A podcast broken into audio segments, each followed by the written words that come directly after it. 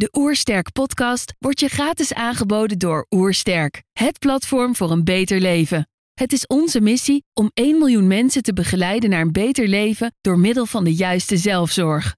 Wil je weten hoe jij kunt werken aan een beter leven? Ga dan naar www.oersterk.nu gezondheidscheck voor onze gratis gezondheidscheck en krijg direct jouw uitslag met persoonlijk advies. Mijn naam is Bjarne Timonen en je luistert naar de Oersterk podcast.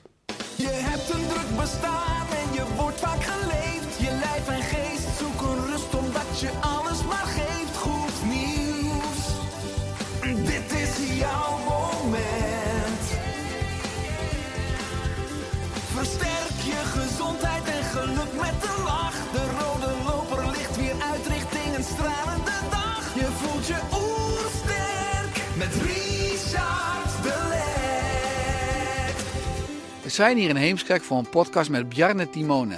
Bjarne is gezondheidspsycholoog, coach, spreker en auteur van het boek De Leefstijlgids tegen somberheid. Ik ben benieuwd naar zijn tips voor een beter leven. Trouwens, geniet je van onze podcast? Abonneer je dan en laat een reactie of review achter. Zo help je ons om het gezondheidsvirus te verspreiden. Let's start. De Oersterk Podcast. Een ontdekkingstocht naar een beter leven. Bjarne, welkom. Dankjewel. Ik lees op je website. Ik, in 2016 werkte ik mee aan het RTL 5-programma Koopziek. Waarin ik mensen met een koopverslaving hielp om een gezondere leefstijl aan te leren en ongewenste patronen los te laten. Sindsdien treed ik regelmatig op in de media over het onderwerp leefstijl en psychologie. Onder andere over de invloed van social media, alcohol en drugsgebruik en overmatig shoppen. Zowel in mijn dagelijkse werk als in mijn eigen omgeving zag ik dat deze gewoonten grote invloed uitoefenen op hoe wij ons voelen en dat hier te weinig aandacht aan wordt besteed. Kun je deze missie toelichten? Ja. Nou, dat was, eigenlijk was dat een paar jaar geleden, vijf jaar geleden zoiets. eh, dat ik mij behoorlijk begon te frustreren over het feit dat wij in de zorg, in de psychiatrie, zo weinig doen met leefstijl. Terwijl als je gaat kijken naar de wetenschappelijke literatuur, dan weten we dat leefstijl een hele grote rol speelt in je mentaal welzijn. Eh, als jij de hele dag op de bank zit en je beweegt nooit en je eet alleen maar chips en je drinkt elke avond een fles wijn leeg, dan is de kans of het risico dat je somber raakt eh, is behoorlijk groot. Toch was het zo, vooral eh, vijf jaar geleden en daarvoor, dat wanneer jij naar een psycholoog ging of naar een psychiater, dat er lijstjes werden afgenomen en dat jij een diagnose kreeg. En misschien, als je geluk had, nog wat cognitieve therapie, hè, dat een beetje aan je gedachten werd gesleuteld. Maar er werd nooit gevraagd, beweegt u eigenlijk voldoende? Hoeveel drinkt u eigenlijk?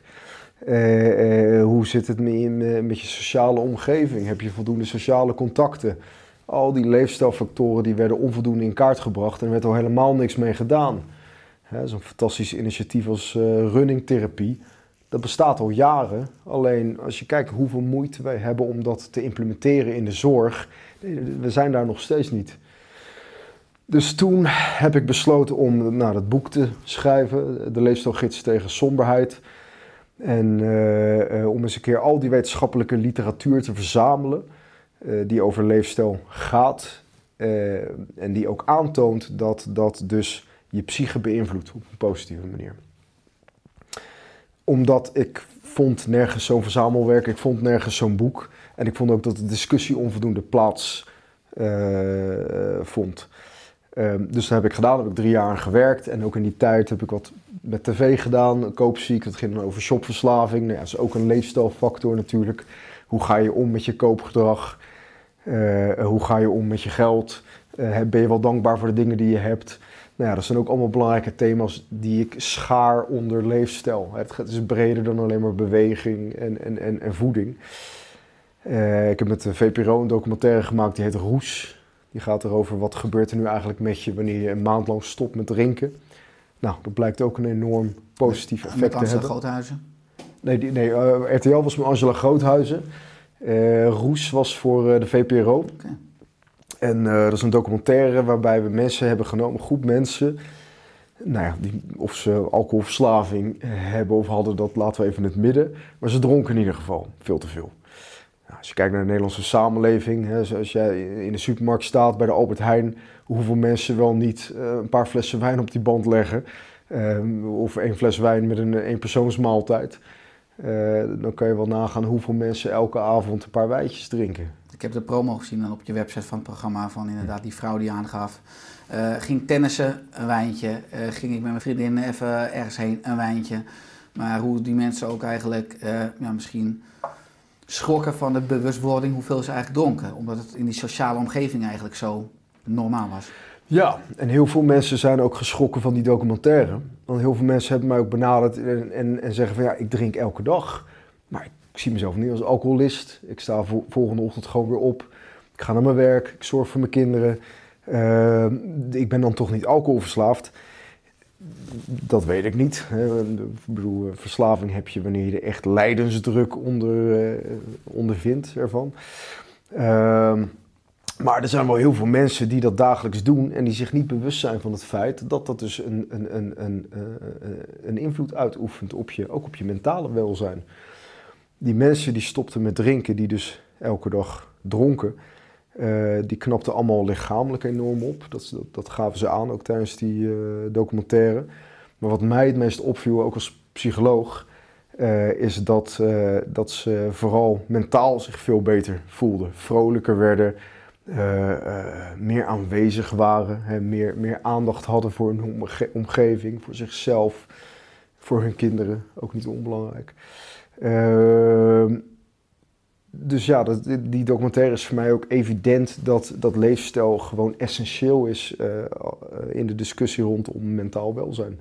Ja, ik vind het mooi hoe je zegt hoe dat ontstond uit een soort irritatie, frustratie als psycholoog. Dat er zo weinig gebruik wordt gemaakt van leefstijl. Dat je mhm.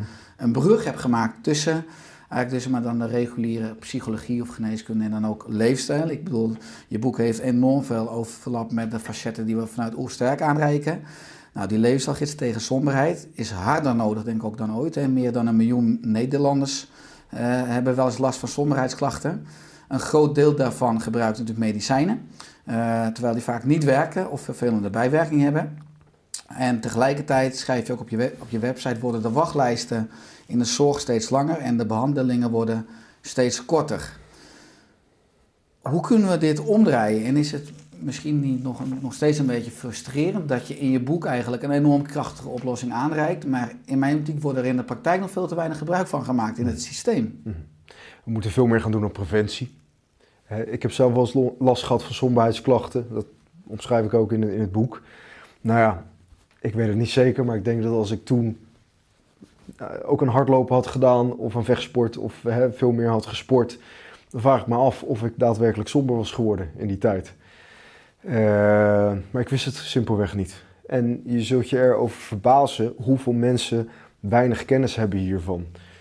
Ook hoogopgeleide of hoger opgeleide uh, mensen, mag ik tegenwoordig niet meer zeggen, maar mensen ook met een, met een WO-opleiding, zeg mhm. maar die zijn zich vaak ook niet bewust van, van uh, het feit dat leefstijl enorm belangrijk is voor je psyche.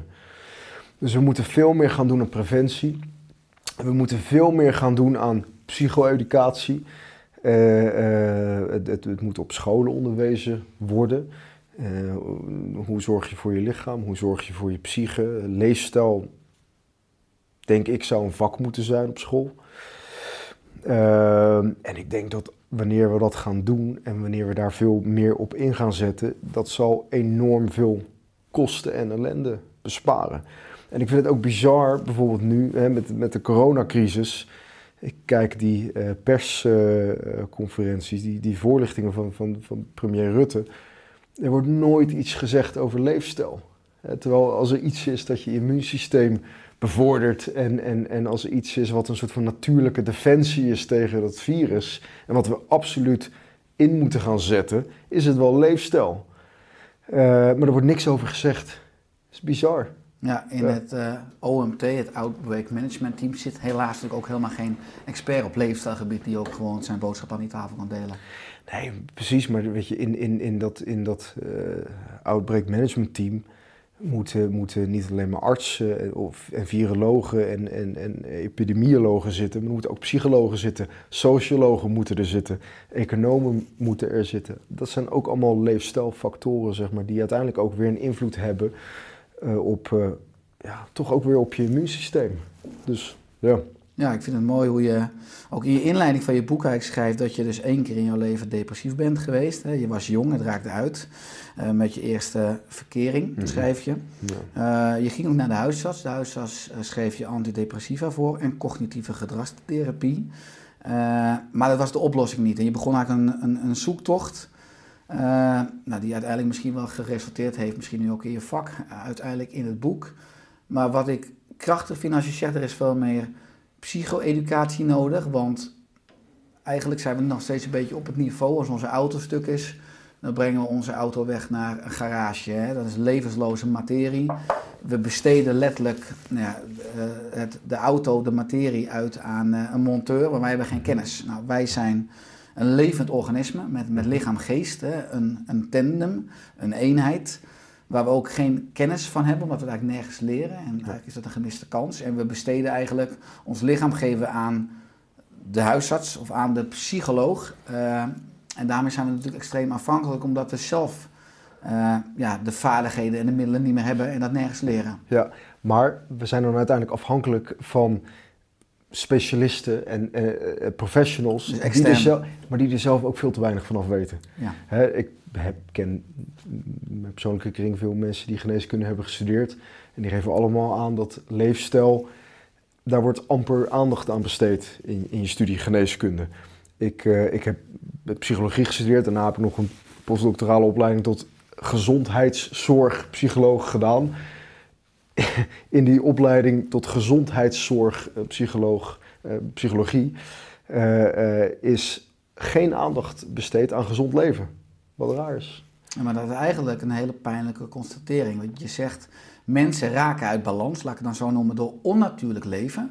En komen dan bij een huisarts of bij een psycholoog, die eigenlijk misschien helemaal niet verantwoordelijk is om de schade te herstellen van, on- van onnatuurlijk leven. Nou, dat zou je dus natuurlijk kunnen herstellen met natuurlijk leven, met natuurlijke interventies, met leefstijl, met beter leven, met beter denken. Maar dat maakt geen deel uit van hun opleiding. Dus het is maatschappelijk dus een enorm groot gebrek aan een instituut die dus wel de juiste antwoorden kan bieden. Wat jij ook in je, in je boek aanreikt. Mhm, Zeker, zeker. En is Hoe, ook... hoe kunnen we die kloof dichten? Nou ja, de leefstijl moet onderdeel gaan worden van het curriculum in die opleidingen. En ik weet dat dat, dat, dat, dat nu gebeurt, in ieder geval bij geneeskunde. Hè. Leefstijlgeneeskunde heeft inmiddels een stem. Eh, eh, mensen zoals eh, Tamara de Weijer, die, die, die hebben inmiddels een vinger in de pap. Wat ontzettend positief is, vind ik. was de eerste gast in de Oester podcast. Dus over, ja. Qua arts en leefstijl, Ja. studenten en leefstijl al. Dus in de Ja. geneeskunde is het aan het, aan het, aan het ontplooien eigenlijk. Hoe, hoe is dat in de psychologie? Ja, in de psychologie is het echt. Wat ik heel erg frappant vind, is dat sinds dit boek is uitgekomen vorig jaar, ben ik veel meer in gesprek gegaan met de medische wereld, met artsen. Ik word uitgenodigd op, op, op, bij, voor workshops en, en conferenties, eh, medische conferenties. Eh, als het gaat om de psychologie, blijft het akelig stil.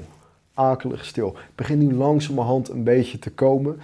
Maar eh, de aandacht ervoor is nog steeds heel erg gering. Hè, kijk, waar artsen voorheen veel te veel vanuit het medisch model dachten, eh, eh, denken psychologen nog steeds veel te veel vanuit het cognitief model. Dus psychologen eh, ehm, denken nog, ik zeg expres denken nog steeds veel te veel dat je alles middels gedachten op kunt lossen. Als jij anders leert denken, anders tegen de wereld aan leert kijken, dan zul je ook uit je depressie komen of uit je Dat het denken de heilige graal is.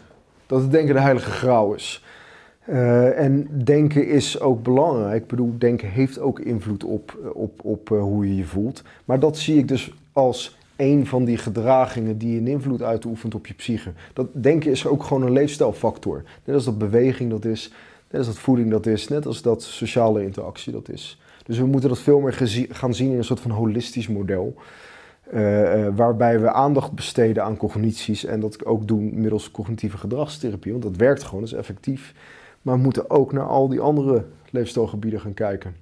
Eh, in de psychologie, eh, ja goed, daar hebben we nog een, eh, een, een lange weg te gaan. Ja, als we andere leefstijlfactoren gaat beïnvloeden, dan beïnvloed je daarmee ook eigenlijk de kwaliteit van je denken. Want in je boek Ja. schrijf je heel holistisch. Hè? Je hebt het over beweging, je hebt het over meditatie, je hebt het over slaap, je hebt het over gezonde relaties, je hebt het over zelfaanvaarding. En dat is ook een cruciaal onderdeel. Je hebt het over voeding en je hebt het ook over de natuur. En dat vind ik natuurlijk prikkelend vanuit Oersterk, dat je ook aangeeft eh, qua de moderne stad of de moderne betonnen jungle versus de natuur. En dat die betonnen jungle of die stad natuurlijk ook rijk is aan chemische stoffen, aan daglicht, aan eh, microben, aan eh, negatieve ionen. En dat die bijdragen aan relatief een, een negatief effect als je in de stad leeft versus de natuur. Hè? Kun je dat toelichten?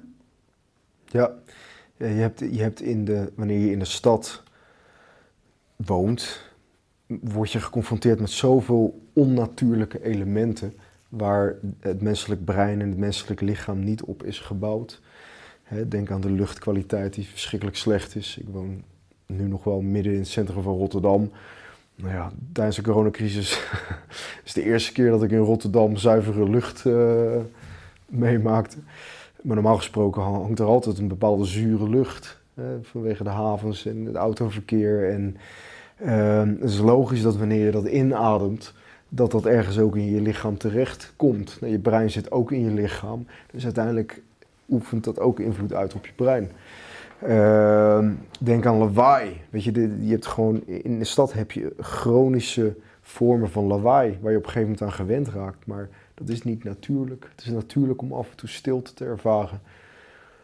Eh, het is ook zo dat stilte goed voor je is. Hè. Stilte is ook gewoon goed voor je brein, omdat je brein dan eindelijk eens even vrij is van die prikkels. Ehm, er wordt een onderscheid gemaakt tussen zachte fascinatie en harde fascinatie. Kijk, het brein houdt ervan om gefascineerd te raken. Wanneer jij in de natuur wandelt en je ziet allemaal mooie vogels en mooie bomen en groen en dat zijn ook prikkels, maar dat zijn zachte prikkels. Dat brein kan dat aan, kan dat verwerken. Sterker nog, dat is een positieve vorm van fascinatie en prikkeling. Ehm, harde fascinatie is eigenlijk een overload aan die prikkels. Je raakt overspoeld, eh, eh, waardoor dat brein de hele tijd bezig is om stimuli te verwerken. Eh, en dus gestrest raakt, eh, waardoor je ook weer ziet dat, dat eh, je stemming kan beïnvloeden, dat je er prikkelbaar van kan raken. Nou ja, vergelijk het maar eens als je midden in Rotterdam loopt en, je botst tegen iemand op. Vergelijk dat met, eens met eh, wanneer je dat in Drenthe doet. Weet je, in Rotterdam krijg je misschien een mes tussen je ribben. En in Drenthe zegt men van, nou, het is oké, geef niet. Dus die harde fascinatie, wanneer die chronisch wordt, ontstaan er vaak ook, of kan het bijdragen aan chronische klachten. Depressie is, is een chronische klacht ook. Eh, het is ook de reden dat ik wegga uit het centrum van Rotterdam. Eh, meer naar het groen en meer naar, eh, naar, de, naar de rust eh, toe. Maar enerzijds is het logisch als je zegt natuurlijk dat overprikkeling van buitenaf leidt tot prikkelbaarheid van binnenuit. Ja, ja.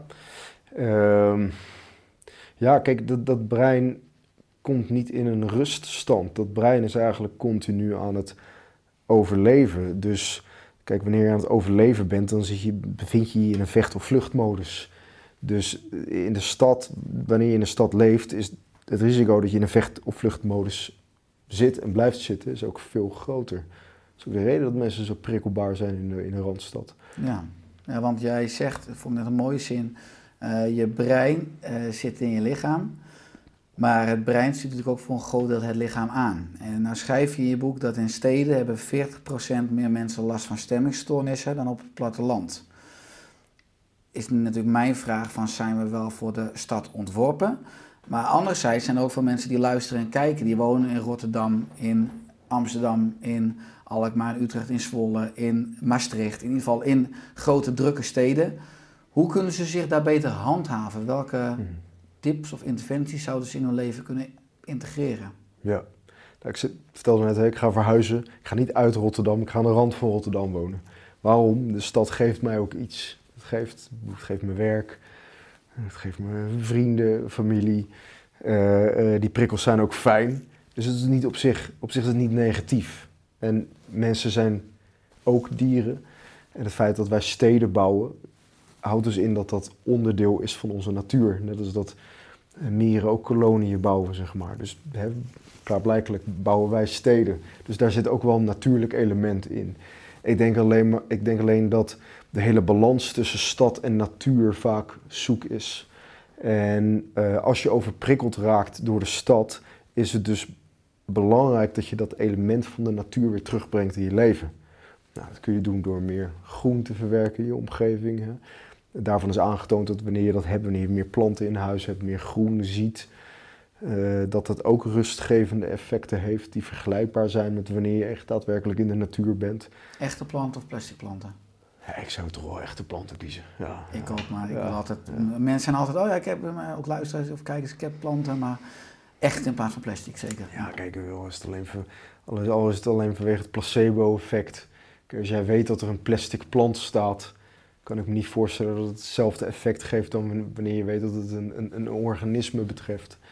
Dat Eh, ademt. ja, dat ja, precies. Eh, ik denk wel dat dat alleen niet voldoende is. Ik denk dat het heel erg belangrijk is, en dat onderbouw ik dus ook met literatuur, om ook regelmatig de natuur echt op te zoeken. Ja, weet je, we doen altijd alsof in Nederland geen natuur is. Dat is onzin. Je hebt sowieso parken overal. Daar zijn wij Nederlanders goed in, parken bouwen.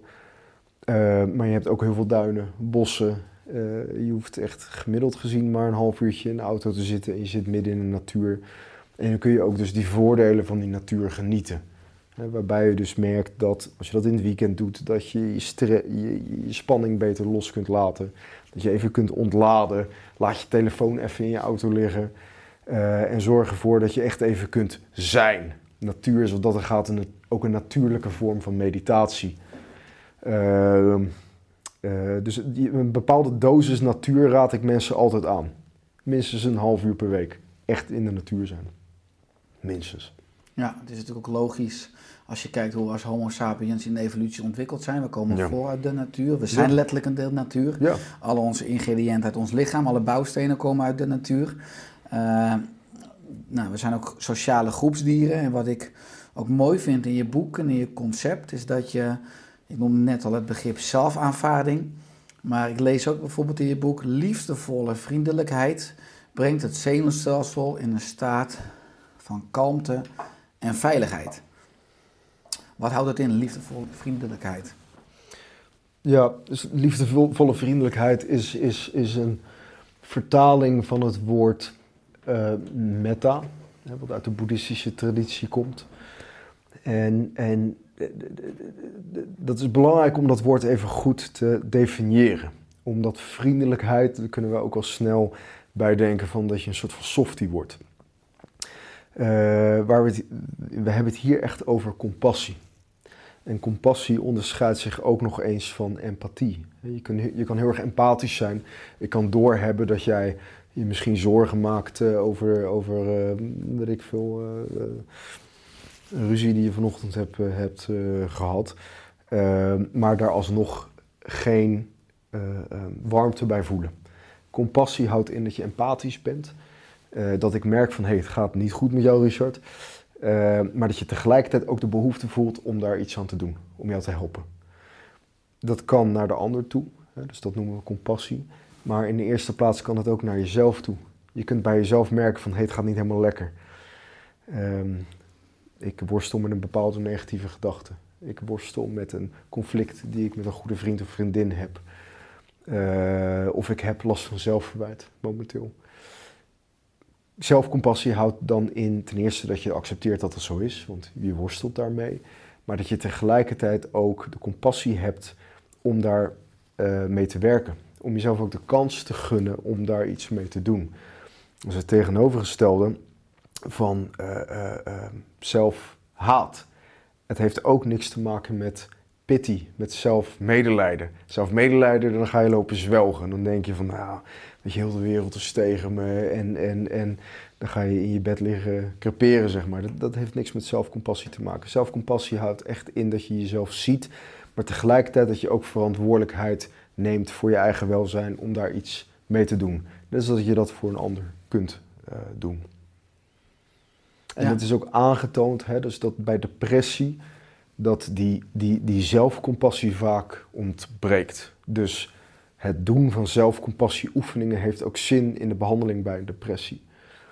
Ik ooit een vrouw behandeld die, die, die had een, een, een, een, een hele Calvinistische, Spartaanse jeugd gehad, waarbij ze nooit complimenten kreeg, affectief verwaarloosd was, zoals we dat noemen, uh, uh, nooit warmte ge, uh, gekregen. En die kon dat ook niet aan zichzelf geven.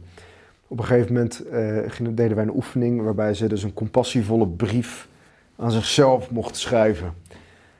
Um, zij kreeg dat gewoon letterlijk niet op papier. Ze kreeg het al helemaal niet uitgesproken. Het is gewoon letterlijk dat, dat haar adem stokte toen, toen, toen ze dat probeerde uit te spreken. Vriendelijkheid ten opzichte van zichzelf. Dus dat zegt iets over het gebrek daaraan bij mensen die psychisch met zichzelf in de knel zitten.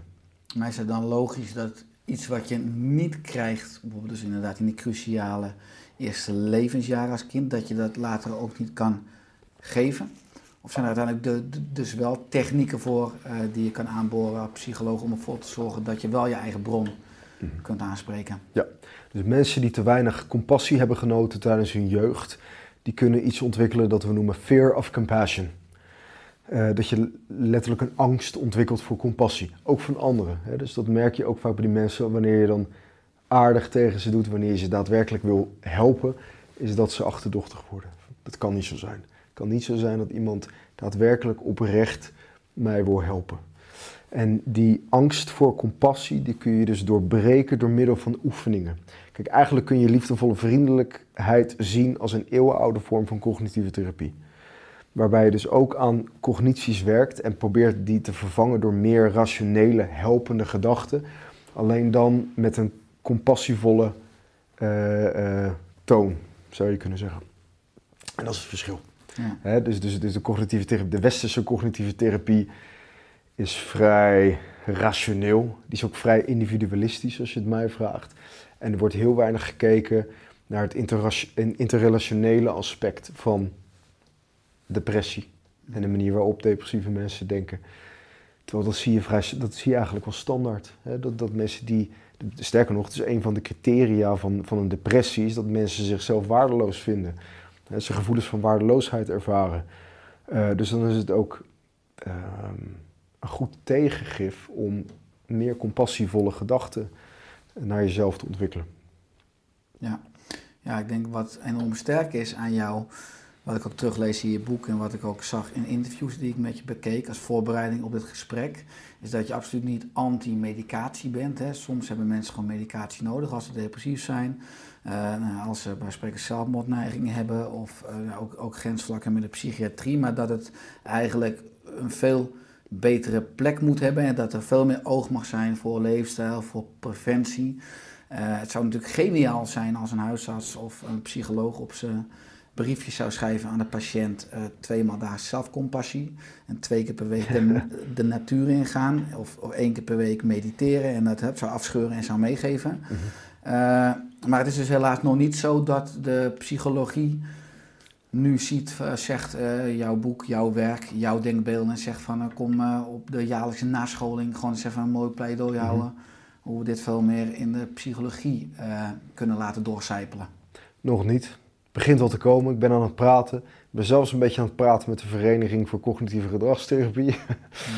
uh, dus de, de, interesse komt langzamerhand. Ja, kijk, het is natuurlijk ook. Er valt niet zo heel veel geld te verdienen aan leefstijl binnen de psychiatrie. En we moeten natuurlijk ook niet onderschatten dat de hele psychiatrie ook gewoon een sterke e economische grondslag heeft. Als je kijkt naar het comité achter de DSM, hè, die bijbel die, die psychologen en psychiaters hanteren, 70% daarvan onderhoudt nauwe banden met de, met de farmaceutische industrie. Uh, dus ook de hele diagnostiek heeft een sterk economische grondslag. Ja, wanneer iedereen gezond gaat leven en er dus veel minder medicatie moet worden uitgeschreven, dan zullen wel mensen gaan, gaan protesteren wanneer dat, wanneer dat gebeurt. Ja, want het is een ehm, financieel krachtenveld waar je dan gaat inroeren. Ja, kijk, en we moeten niet onderschatten hoe toch hoe dat toch doorcijpelt in de hele uh, uh, psychiatrie. Ook in de cognitieve gedragstherapie. Ook in de hele medische wereld natuurlijk. Ik heb, ik heb eh, een jaar geleden eh, stond ik, eh, gaf ik een lezing voor huisartsen. En voor mij was er een, een, een, een, chirurg, die, die, een hartchirurg, die, die sprak. En hij had gewoon glashard aangetoond dat een bewegingsprogramma, begeleid door een fysiotherapeut van een x aantal weken, dat dat net zo effectief was als dotteren. Dat hij gewoon middels een wetenschappelijk onderzoek goed aangetoond. Sterker nog, dat de effecten daarvan, mits mensen het ook bleven doen, blijvend waren. En dat het risico dat men in, in, in, de toekomst gedotterd zou moeten worden, dat het ook veel kleiner was. Nou ja, wat hij dus ook vertelde in, in zijn, eh, in zijn eh, lezing, is dat hij werd niet meer uitgenodigd op congressen. Hij was gewoon niet meer welkom. Dotteren er valt natuurlijk veel geld aan te verdienen. En ja, een paar weken bewegen, dat, dat ja, principe is dat gratis. Ja, dus dat is. eh, ja, dat is. Ja, het is lopende bandwerk inderdaad. Ik heb zelf een wetenschappelijke stage gelopen met betrekking tot, eh, tot dotteren. En dat, daar, daar zit dus een heel verdienmodel eigenlijk wat je zegt. En ja, als je dus gaat bekijken vanuit leefstijl, ook van hoe een mens denkt, dan hangt dat ook samen met ons brein, met neurotransmitters, hè, stofjes die met onze stemming ook samenhangen. Eh, nou, die stofjes kunnen we niet inademen, hè, die moeten we eten. Nou, ik hoor vaak, je bent wat je eet. Hè, vanuit Oersterk zeg ik heel vaak, je bent wat je opneemt. Maar wat je niet eet, hè, dat poep je gewoon weer uit. Dan heb je dure ontlasting. Maar in jouw boek zag ik, en dat vond ik enorm sterk, je voelt wat je eet. Ja. Kun je dat toelichten? Het, het brein, de, de voedingsstoffen zijn eigenlijk de brandstof voor het brein. En die neurotransmitters, serotonine, dopamine, noradrenaline, die je nodig hebt om je goed te voelen, die komen niet uit de lucht vallen. Die hebben ook brandstof nodig om geproduceerd te worden. Het brein haalt die brandstof uit onze voeding. Dus als jij alleen maar fastfood eet en alleen maar shit naar binnen werkt, Frisdranken drinkt. precies, Dan... Ja. precies, dan, dan gaat het brein, moet het daar maar mee doen. Waardoor je ook ziet, en dit is goed aangetoond, dat eh, eh, die neurotransmitter huishouding, als we het zo maar even noemen, dat die verstoord raakt. Kijk, het is ook zo dat fastfood, er zitten allerlei kunstmatige eh, producten in. Geraffineerde suikers, eh, ongezonde vetten en dat soort dingen. Nou, daarvan is goed aangetoond dat die bijdragen aan ontstekingsprocessen in het lichaam. Daarvan weten we inmiddels dat dat ook bijdraagt aan allerlei chronische lichamelijke aandoeningen. Maar die ontstekingsprocessen die verstoren dus ook de werking van het brein. Die ontstekingseiwitten eh, eh, die verstoren echt die neurotransmitter huishouding. Ik, ben al, ik was dit boek aan het schrijven. En eh, eh, het grootste deel heb ik gewoon hier in de natuur, in, op de Veluwe gedaan. Eh, gezonde voeding mee, lekker hardlopen 's ochtends. en, en ik kwam er gezonder uit, zeg maar. Minder gestrest dan, terwijl ik het hele weekend had, had geschreven. Ik ben ook een weekje naar New York gegaan, omdat ik het een gave stad vind. Ik dacht, ik ga daar eens even een weekje schrijven. Poepduur natuurlijk. en heel lastig om aan gezonde voeding te komen in New York. Dus ik dacht, nou, een weekje kan wel. En bedoel, ik, ik hou van eten, dus ik ben gewoon lekker taco's gaan eten en af en toe een burgertje. En eh, ja, ik kwam terug, ik was doodop, ten eerste. Eh, ten tweede merkte ik echt dat ik twee, drie weken nodig had om echt een beetje te herstellen. Heel mijn buik was van slag. Ik, ik merkte het mentaal enorm. Eh, waardoor ik me ook realiseerde van, nou ja, misschien dat dit ook wel een reden is dat zoveel Amerikanen psychische klachten hebben. Eh, triest dat gezonde voeding zo weinig toegankelijk is eh, in- dergelijke landen. Dus we mogen ook wel dankbaar zijn dat het in Nederland nog best meevalt. Ik bedoel, ook al als je niet zo heel veel te besteden hebt, je kan naar de markt gaan. Weet je, daar zijn groenten echt niet zo duur. Ehm, ehm, dus voeding heeft absoluut een, een, een, een groot effect op, op, op hoe je voelt. Absoluut. Ja, dus het is logisch dat als je je brein uithongert, dat het signalen gaat geven, zoals Ja. somberheid of depressiviteit. Aan de andere kant, om het nou praktisch te maken, wat is nou vitaal breinvoedsel? Nou, vitaal breinvoedsel is eigenlijk natuurlijk voedsel. Vitaal breinvoedsel is niet zo heel moeilijk. Er wordt vaak gedaan alsof er geen consensus heerst over wat gezonde voeding is. Dat klopt niet. Er is, daar is wel consensus over. Als je kijkt naar de goed uitgevoerde studies, die zeggen in principe allemaal hetzelfde. Die zeggen van een dieet dat voornamelijk bestaat uit groenten, eh, voldoende fruit, noten, zaden, het liefst tot vis. Het liefst twee keer per week vis en veel minder vlees dan we nu eten. Minder alcohol. Eh, ehm, en dan zie je dat als je een dergelijk dieet aanhoudt, hè, wat behoorlijk sterk overeenkomt met het mediterraan dieet, daarom wordt dat altijd als een soort van standaard genomen in die studies, eh, dan kan je ervan uitgaan dat je eh, ehm, het leeuwendeel binnenkrijgt. Het is helaas wel zo dat tegenwoordig schijnt zo te zijn dat de gewassen zeg maar, die nu worden geproduceerd, dat die toch ook wel tekortschieten in voedingsstoffen. Dus er is ook steeds meer discussie rondom suppletie. Uh, uh, ik denk ook dat we daar nog beter naar moeten gaan kijken. Zeg maar gewoon in hoeverre kunnen we dat echt, echt optimaliseren. Maar de basis daarvan zou altijd gezonde voeding blijven. Ehm, overigens is het zo dat mensen denken dat het mediterraan dieet dus de gouden standaard is dat, dat is het niet per se. Het gaat echt om traditionele diëten. Want traditionele diëten die waren ook vrij van al die kunstmatige troep. Ik zelf ben half uh, Fins, Scandinavische achtergrond. Tenminste, noordelijke achtergrond, dus niet Scandinavië. Maar ook als je kijkt naar de traditionele Finse uh, dieet, dus heel veel vis. Um, daar, het is heel veel kool, heel veel groente. Um, het is echt gewoon hele gezonde voeding traditionele Finse en ook het traditionele Scandinavische dieet.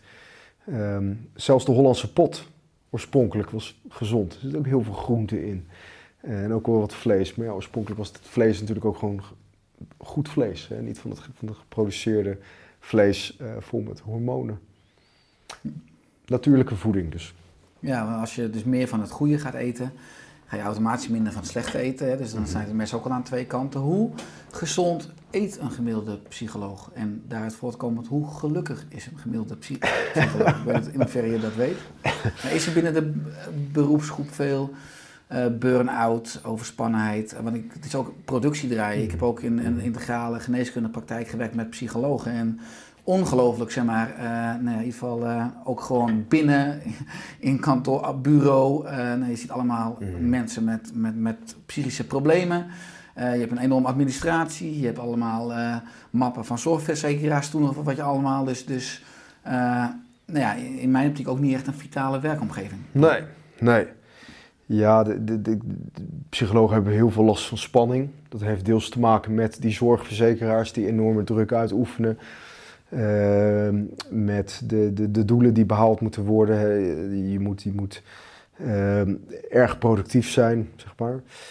Dat geeft stress. Het is ook wel een beetje de populatie van de psychologen die daar ook nog eens aan bijdraagt. Ik zie mezelf niet als een gemiddelde psycholoog.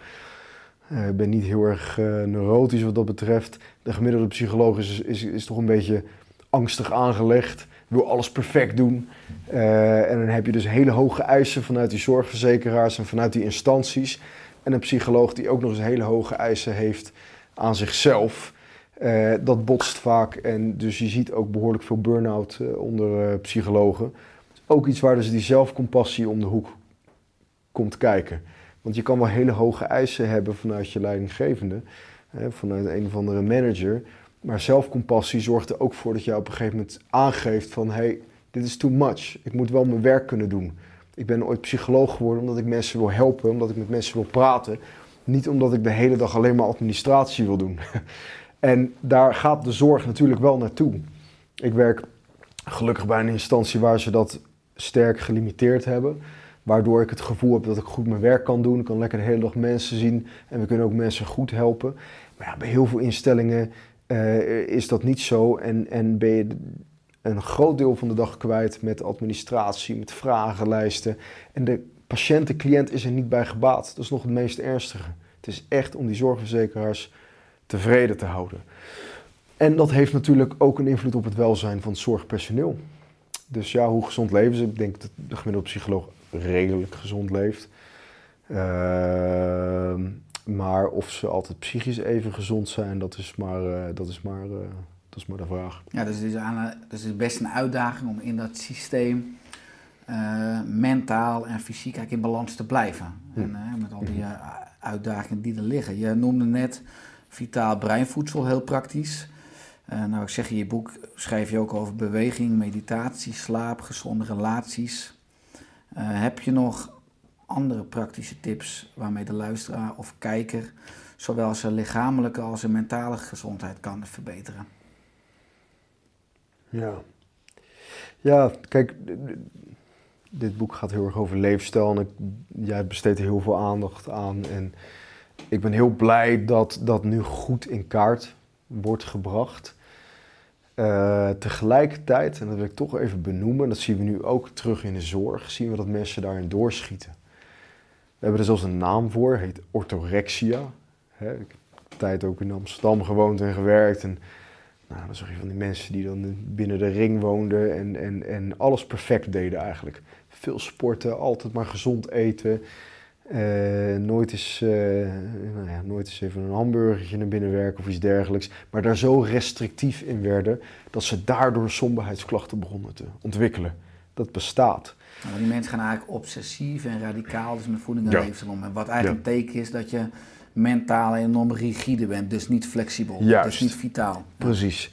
En kijk, broer, ik heb een boek geschreven over leefstijl en ik leef zo gezond mogelijk. Ik ben geen fitboy. Dat ga ik, niet, dat ga ik nooit claimen. Eh, eh, maar ik, ik leef gewoon gezond omdat het mij intrinsiek heel veel geeft. Ik voel me gewoon veel beter wanneer ik gezond leef. En dan op vrijdagavond hè, mag ik een biertje drinken van mezelf.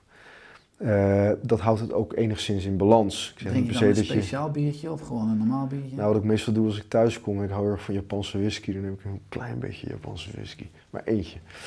de Eh, G van genieten dan. ja, precies. En dat is eigenlijk iets waar ik ook in de toekomst meer aandacht aan wil besteden. Niet aan whisky drinken, maar aan balans. Hè, de, de, de, de, in, in de, de, de oud-Grieken, die hadden het concept van het hedonisme. Waarbij je eh, eh, eh, nou ja, eigenlijk je lusten een beetje botviert en eh, alleen maar doet wat lekker is en wat, wat, wat, wat kortstondig plezier geeft. Maar ze hadden ook het concept van eudaimonisme. En eudaimonisme is eigenlijk de tegenhanger van hedonisme.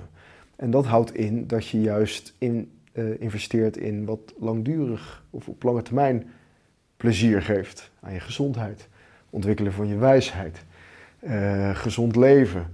En ik ben er heel erg van overtuigd dat die twee met elkaar eh, in balans moeten zijn. Dus heel goed om, we moeten veel meer gaan werken aan eudaimonisme. We moeten veel meer wijsheid gaan creëren. We moeten veel gezonder gaan leven. Eh, we moeten veel eh, compassievoller worden naar elkaar toe. Eh, tegelijkertijd mag je af en toe ook gewoon genieten. Tegelijkertijd mag je ook af en toe een beetje hedonistisch zijn. Het is aangetoond dat wanneer mensen gezond leven, dat, dat is super belangrijk, maar wanneer zij dus zichzelf een cheat day gunnen, eens in de zoveel tijd of gewoon één keer per week, dat je gewoon net, net, net, dat je net wat meer mag genieten of eh, wat chocolade mag eten voor jezelf, is dat het makkelijker voor die mensen wordt om dat gezonde leven vol te blijven houden. Ehm, dus ja, dat wil ik als tip meegeven. Dat, genieten mag, maar plan het gewoon in. Zeg gewoon tegen jezelf van die dag mag ik gewoon, hè, hoef ik niet zo heel erg te letten op mijn dieet. Of, of eh, mag ik misschien lekker een biertje drinken op het terras. Ehm, en dan daarna ga ik, pak ik de draad gewoon weer op. Mhm.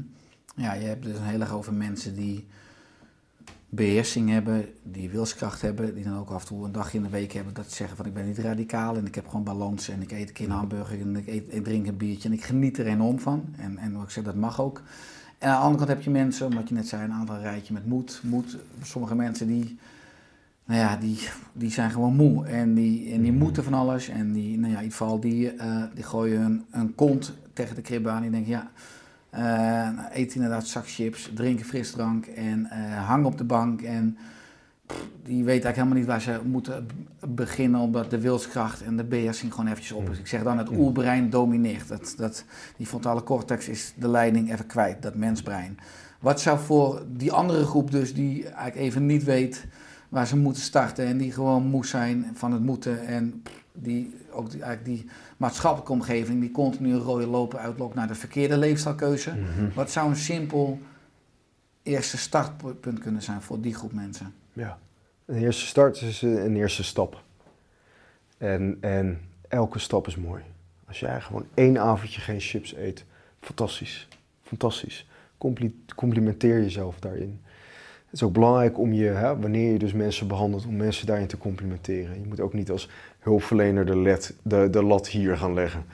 Eh, eh, elke stap is er één. En wanneer je jezelf daarin dus ook complimenteert, compassievol bent naar jezelf, dan motiveert dat ook om de volgende stap weer te gaan zetten. En de volgende stap. En de volgende stap. Je kan niet verwachten van iemand die dus zo ongezond leeft, dat hij in één keer heel zijn leven 180 graden omdraait. Dat, dat gaat niet. Gewoonte creëren kost ook tijd, hè? ook in het brein. Het brein heeft een tijd nodig om, als het ware, eh, eh, te herprogrammeren. Eh, eh, dus gun jezelf de tijd. Wees compassievol met jezelf. En het is ook geen ramp als je af en toe weer even de mist in gaat. Is niet zo erg. Je mag hierin ook fouten maken. Zolang je maar weer de draad oppakt en gewoon weer verder gaat. Dat is het advies wat ik meegeef aan die mensen. Eh, en het is enorm moedig dat wanneer jij ongezond leeft en je neemt het besluit om gezonder te gaan leven en je neemt vooral een concrete stap daarin, fantastisch. Net zo mooi als iemand die dat al lang gewend is en een marathon gaat lopen, wat mij betreft. Ja, want het is even uitdagend dat er een groep is die, wat je zei aan het begin van de podcast, die veel alcohol drinkt. Uh, naar aanleiding van het programma wat je noemde Roes voor de VPRO. Uh, alcoholgebruik in onze maatschappij hè, bood het een podium. En wat gebeurt er nou wanneer je een maand lang stopt met drinken? Dat kwam terug dus in, in Roes, maar als mensen luisteren of kijken en nou, in de zomer mooi weer, barbecuetjes, wijntje, biertje. In, uh, in het najaar, uh, donkere dagen thuis, uh, lekker op de bank, een programmaatje, wijntje, biertje. Nou, de, de feestmaand is vaak een maand december dat mensen sowieso zeggen van ik laat het los en ik, nou, ik drink veel alcohol. Is het dan ook zo wat je zegt, een eerste stap, ga eens één dag niet drinken of ga eens één maaltijd of een paar uur op de dag niet drinken. Mensen die veel alcohol drinken en dat is interessant ook natuurlijk als je kijkt vanuit hoe ik opgeleid ben in de geneeskunde. Dat ik, als, als ik op mijn, in mijn praktijk vroeg aan mensen uh, hoeveel glazen drinkt u per dag. En dan mensen zeggen, mooi, het valt wel mee. Dat ik dan altijd te hoog inschatte. Waar men, dat ik dan zei 15 glazen. Mensen zeggen nee, 8. Weet je, als ik zei 3 glazen, dan zeiden mensen bij spreken 4 glazen. Dus mensen. Dus ik ging altijd veel te hoog zitten als strategie. Dat ik dan eerlijker, want je moet met mensen geloven, eerlijker uitkwam. Maar eigenlijk is, is, is dat een enorm groot maatschappelijk probleem. Hè? Er wordt veel te veel alcohol gedronken. En sommige mensen zeggen, nou, het is helemaal het goede leven.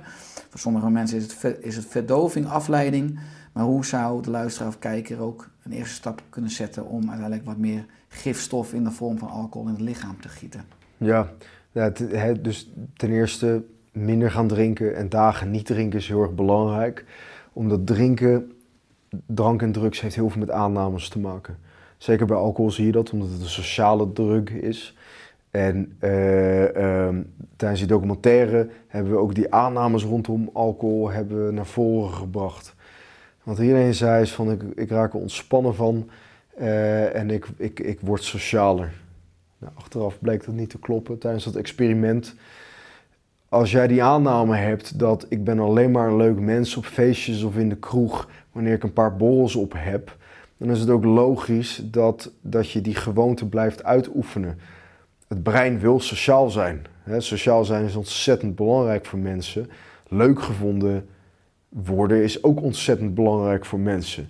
Dus als, het, als dat brein middels dat geheugencentrum dat koppelt aan alcohol, zal het elke keer weer leiden tot bier waarschijnlijk te veel bier. Dus de enige manier om erachter te komen dat dat een aanname is, is door echt te gaan oefenen uh, uh, met naar feestjes gaan, naar de kroeg gaan, zonder alcohol.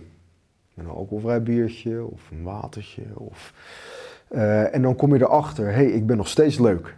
Sterker nog, ik ben scherper, ik ben mezelf. Ik zeg geen dingen die dom zijn of die schadelijk kunnen zijn. En dat wordt op een gegeven moment ook een herinnering in het brein. Dus op een gegeven moment, stel voor dat je misschien na een maand wel weer gewoon af en toe een borrel neemt, dan wordt de modus van het niet drinken die kan net zo sterk worden als de modus van het weldrinken. En dat is ontzettend fijn, want dan kun je een keuze maken. hey, ik ga vanavond naar een barbecue, maar morgenochtend wil ik een rondje hardlopen. Of misschien moet ik scherp zijn voor een podcast. Ik ga even niks drinken. En dan kun je alsnog een hele leuke tijd beleven zonder die nadelen de volgende dag eh, eh, van de drank. Ehm, dus ga die aannames toetsen. Wat ik vaak zie en de fout die heel veel mensen maken is dat ze een dry January doen of een tijdje stoppen en vervolgens als een monnik gaan leven. Niet meer naar feestjes gaan, de vrienden niet zien, zich thuis opsluiten en dan is die maand voorbij. En dan gaan ze weer alle feestjes afstruimen. Maar dan is er niks uh, gebeurd in het brein. Dat is een conditioneringsproces. Dus je moet dat brein echt laten zien van... hé, hey, we kunnen het ook ontzettend leuk hebben met alcohol. Uh, dat is essentieel en dat is wel vaak een onderdeel uh, dat wordt overgeslagen. Mm, ja, want om ons brein dus eigenlijk vitaal te houden in de moderne leefomgeving, moeten we ons wapenen tegen een industrie die ons wil laten consumeren. Je noemde het shoppen. Hè. Sommige mensen hebben een shopverslaving die ons wil laten drinken, tot, tot alcohol, maar ook nu zeker de smartphones die in onze broekzak branden, hè, die mm. ons continu eigenlijk uh, verleiden. Hè, die ook al de jeugd eigenlijk overprikkelt. Bijna een derde van de jongvolwassenen zegt verslaafd te zijn aan social media. Nou, dat is ook een gebied waar je als gezondheidspsycholoog op richt. Wat kunnen ouders, ik bedoel, ik moet zeggen, Noah, uh, mijn oudste zoon is 10 jaar. Ik mhm. herken ook hoe uitdagend het is als je zeg maar een half uurtje op de iPad en dan gaat het piepje van de oven, die zetten we altijd. En als het piepje gaat, dan zet je hem uit. Maar al die, hij zit dan veel op Brawl Stars en dat soort uh, nou ja, spelletjes zijn natuurlijk gemaakt. Enorm vers, door verslavingsexperts zou je kunnen zeggen. Die willen dat de kinderen er zo lang mogelijk op zitten. Uh, hoe wapen je daartegen, bijna tegen die industrieën als psycholoog? Ja, goede vraag. Door het ook te zien als, een, als iets dat potentieel verslavend is. In de ontwikkeling van social media, daar worden echt gedragswetenschappers ingevlogen om ervoor te zorgen dat die, die, die, die, die interfaces zo verslavend mogelijk zijn. Eindeloos scrollen is daar een voorbeeld van. Dat is gewoon eindeloze beloning. Nou, dat beloningscentrum heeft nooit voldoende hoor. Dat, wil gewoon altijd meer beloning. En als je eindeloos kan scrollen, ja, dan, dan, dan zit daar in principe geen einde aan. Uh, gelukkig zijn daar natuurlijk wel wat maatregelen voor genomen binnen bepaalde platformen. Uh, maar ook heel veel spelletjes bevatten gokelementen. Dus je moet je beseffen dat dat machientje dat je in je, in je broekzak meedraagt, dat dat eigenlijk gewoon een klein gokkastje is. En uh, dat heel veel voordelen met zich meebrengt. Ik bedoel, ik ben hier gekomen met Google Maps. En daardoor kwam ik ook op tijd. Dus dat is hartstikke fijn. Ik kon nog even een paar mailtjes stikken voordat ik wegreed. Uh, uh, en ik kan uh, straks even mijn moeder bellen in de auto of zo, weet je. dus er zitten ook heel veel voordelen aan. En er zitten ook voordelen aan die kunnen bijdragen aan een gezondere leefstijl. Ehm, maar het is goed om voor jezelf dat onderscheid te maken. In hoeverre is deze telefoon voordelig voor mij? In hoeverre brengt het mij echt iets? En in hoeverre is het gewoon echt, voedt het mijn verslavingsgedrag? voedt het mijn gewoontepatronen. En als je dat onderscheid gaat maken en je gaat je ook gedragen naar dat onderscheid, dat inhoudt dat je je beperkt tot uh, de mate waarin het voordelig is, dan zie je ook dat die negatieve invloed gewoon veel minder wordt. En dat je gewoon lekker kunt genieten van de voordelen van zo'n telefoon. Dat is natuurlijk fantastisch ook. Ik denk dat we ons niet hebben gerealiseerd met de komst van die smartphones hoe gevaarlijk dat kan zijn voor, voor, voor de mens. En, en, en ja, het is gewoon één grote snoepwinkel, die telefoon natuurlijk. En ook voor het kinderbrein in ontwikkeling, in rijping. En al helemaal voor kinderen natuurlijk. En als je geen beperkingen oplegt aan je kinderen, zeg maar, van dat ze in ieder geval binnen een bepaald tijdsbestek, dan voed je dus ook wel die modus dat het nooit voldoende is. Dat, je, dat daar geen grens aan zit, zeg maar. En dat is niet goed voor het kinderbrein, want dat kinderbrein heeft ook de ontwikkeling van die rem die hiervoor zit nodig. En die rem is ook nodig in het, in het dagelijks leven. Kijk, als ik verwacht dat ik altijd maar beloningen krijg uit mijn telefoon, ga ik het misschien ook verwachten van een ander. Dat ik altijd maar krijg wat ik wil hebben. En hè, dat mechanisme vertaalt zich ook naar andere leefstijlgebieden. Eh, eh, dus psychologisch gezien en analogisch gezien is dat niet gezond. Dat, dat moet gewoon beperkt worden. Net als dat snoep beperkt moet worden en, en, en tv kijken moet beperkt worden. Nogmaals, kinderen mogen genieten. Kinderen mogen ook bekend raken met het concept van hedonisme. Maar kinderen moeten ook bekend raken met het concept van evdaimonisme. Evdaimonisme is, nu is het genoeg. Ja, dus er ligt ook een belangrijke rol dan bij ouders om die kaders voor kinderen te creëren. Ja, kijk, eh, als ouder ben jij eigenlijk de prefrontale cortex van je kind. Die, dat voorste deel van het brein bij een kind is onderontwikkeld. En dat voorste deel, die controlekamer, ontwikkelt zich ook naar het model van de ouders. Dus als de ouders daar onvoldoende model in vormen, dan zie je ook dat dat uh, uh, tot tekorten leidt bij kinderen. Ze nemen dat gewoon rechtstreeks over. Dus dat houdt ook in dat wanneer jij de hele tijd op je telefoon zit te kijken in het bijzijn van je kind, dat kinderen dat ook overnemen. Modeling noemen we dat. Uh, en dat het risico waarschijnlijk ook later groter is dat zij ook de hele tijd op hun telefoon zitten te kijken en te weinig aandacht geven aan hun kinderen. En dus dat weten als je als ouder rookt, is het risico dat jouw eigen kind later gaat roken is veel groter. Ja, dus het is belangrijk hoe je het als ouder voorleeft. Ja, ja. In je boek, wat ik zeg, het is, een, het is een dik boek, het is echt een aanrader. Er komen enorm veel facetten terug. Uh, wat me enorm aanspreekt, je hebt het op een gegeven moment over, als mensen niet lekker in hun vel zitten, over de wondervraag. Kun je die toelichten? Ja, je kan hem op verschillende manieren uh, stellen. Uh, hoe ik hem tegenwoordig stel is, stel je voor je wordt over een jaar op een ochtend wakker. Tijdens de nacht heeft zich uh, een wonder voorgedaan. En dat wonder houdt in dat gedurende die nacht jouw leven zo geherarrangeerd uh, is dat alles loopt zoals jij wilt dat het loopt. Uh, dat je leven gewoon goed gaat, dat jij je goed voelt. Stel je voor, je wordt die ochtend wakker, hè, dat dat wonder heeft plaatsgevonden. En ik kijk met een cameracrew mee gedurende die dag. En ik volg jou. Wat zie ik dan? Oftewel, hè, het gaat heel goed met je, jij voelt je heel erg goed, je voelt je niet meer somber. Maar wat zie ik specifiek gedurende die dag dat ervoor zorgt dat jij je beter voelt? Neem mij eens mee in die dag. Hoe ontbijt je? Wat doe je na je ontbijt? Wat trek je aan? Hoe ga je naar je werk? Als je op je werk komt, hoe ga je dan om met je collega's? Wat doe je tijdens de lunch? Blijf je binnen zitten, eet je iets ongezonds? Of neem je iets gezonds en ga je lekker een wandeling maken met je collega?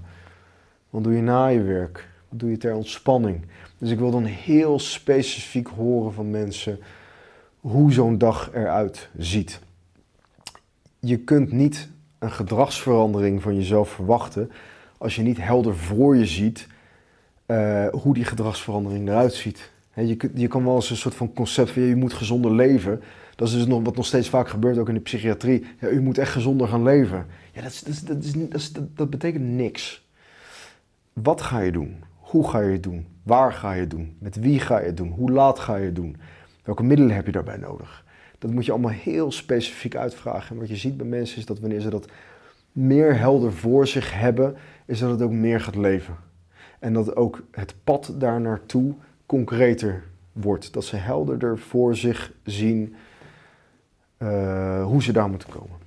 Ja, mooi. Ik noem dat een soort blauwdruk van een goede dag. Heb je met al jouw activiteiten ook een soort uh, blauwdruk van een goede dag om ook balans te houden in jouw leven? Uh, ja. Ja, ik probeer, ik doe veel. Hè. Dus ik werk als gezetpsycholoog en uh, ik werk veel met media. En ik ben inmiddels begonnen aan mijn tweede boek. Uh, en ik ben ondernemer. Ik heb een uh, recruitmentbureau voor psychologen en psychiaters. dus ik doe veel dingen. Dus het is voor mij ook van belang dat ik daar overzicht over houd. En, en, en ook helder voor mij heb eh, eh, hoe ik die dingen wil aanvliegen en ook hoe ze dus bijdragen aan mijn eigen welzijn. Als je alleen maar aan het werk bent en vervolgens weer gestrest bent en niet gelukkig van wordt, ja, waarom zou je het dan doen? Dus dat is ook wat tricky als ondernemer. Je kan overal ja op zeggen, maar je moet je altijd heel erg bewust blijven van waarom zeg ik er ja op? Draagt dat daadwerkelijk bij aan dat gezonde leven dat ik voor mij heb? Draagt het bij aan het welzijn dat ik voor me heb? Dus ik heb een blauwdruk van hoe ik gezond wil leven. Nou, dat probeer ik zo goed mogelijk na te streven. Ik ben daar absoluut niet perfect in. Ik denk dat anderen daar veel beter in zijn dan ik. Maar goed, dit is gewoon een streven en daar word ik langzamerhand beter in. Uh, hetzelfde geldt gewoon voor mijn, voor mijn werk en mijn dagelijkse activiteiten. Al die dingen moeten aan elkaar gekoppeld zijn. Alles heeft invloed op elkaar. Je kunt niet je werk loszien van je levensgeluk. Je kunt je werk ook niet loszien van je privéleven. Probeer dat heel gescheiden te houden. Maar als jij een onwijze klote baan hebt en je bent niet tevreden, dan ga je ook zaggerijnig naar huis. Heeft het ook invloed op je relatie? Heeft het invloed op je, op je slaap? Uh, je moet naar het hele plaatje kijken. Mm, absoluut, het leven is één web. Je geeft aan dat je met je tweede boek onder andere bezig bent. Wat is nou je droom en je missie voor aankomende jaren? Uh, mijn missie is dat alles wat ik doe, dat dat eenzelfde rode draad bevat. En dat mensen, of, of mensen mij nu kennen van mijn boek of mijn mediawerk of uh, via mijn onderneming, uh, dat het bijdraagt aan levenskwaliteit. Of kwaliteit van de zorg, kwaliteit van uh, psychisch welzijn, kwaliteit van leefstijl. dat is mijn missie, dat alles wat ik doe, dat, dat daaraan bijdraagt. En ook dat ik het hartstikke leuk vind. Ik vind het gewoon super leuk allemaal om te doen. Je mag ook lol hebben. Leefstijl is ook gewoon onwijs gaaf. Mooi rijkdom. Is er aan het einde van de podcast nog iets wat je graag wilt toevoegen? Ja, wat ik wil toevoegen, wat ik echt wil toevoegen. Hè, momenteel is het zo dat in de maatschappij er veel uh, verdeling heerst. Er zijn veel spanningen.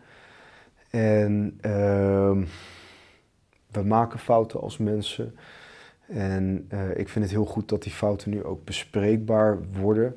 Maar laten we alsjeblieft meer compassievol worden naar zichzelf, naar, naar elkaar. Naar onszelf, maar ook naar elkaar. Laten we meer in gesprek gaan met elkaar. Uh, volgens mij is het zo dat uiteindelijk mensen allemaal hetzelfde willen. We willen allemaal gelukkig zijn. We willen allemaal uh, gezien worden. En we willen allemaal onderdeel zijn van een, een uh, maatschappij. Uh, dus laten we daaraan werken. Laten we niet alleen maar leefstijl op een individualistische manier zien, maar laten we ook meer collectivistisch zien. Uh, gaan kijken hoe we gezonder kunnen gaan leven en hoe we gezonder kunnen gaan samenleven. Absoluut, helemaal eens. Mooi slot. Waar kunnen mensen meer vinden over jou en over je werk? Ik heb een website waar alles uh, verzameld staat op bjarnetimonen.nl. En ik ben actief op social media, op Instagram, psycholoog Bjarne. Daar post ik uh, gedachten over leefstijl, maar ook hè, meer psychologisch of filosofisch. Uh, probeer ik daar punten aan te kaarten. En nou ja, goed, daar hou ik gewoon mijn, mijn, dagelijks leven een beetje bij. Dus als mensen dat interessant vinden, dan, dan wees welkom. Leuk. Dankjewel Bjarne voor je komst in de Oerstek podcast. Dus, ja, bedankt. Heel graag gedaan en uh, ga vooral door met uh, je mooie werk en met je leefstijlgids. Niet alleen in de, in de psychologie, maar ook denk ik in de hele wereld, want dat hebben we hard nodig. Dus alle goeds. Dank je.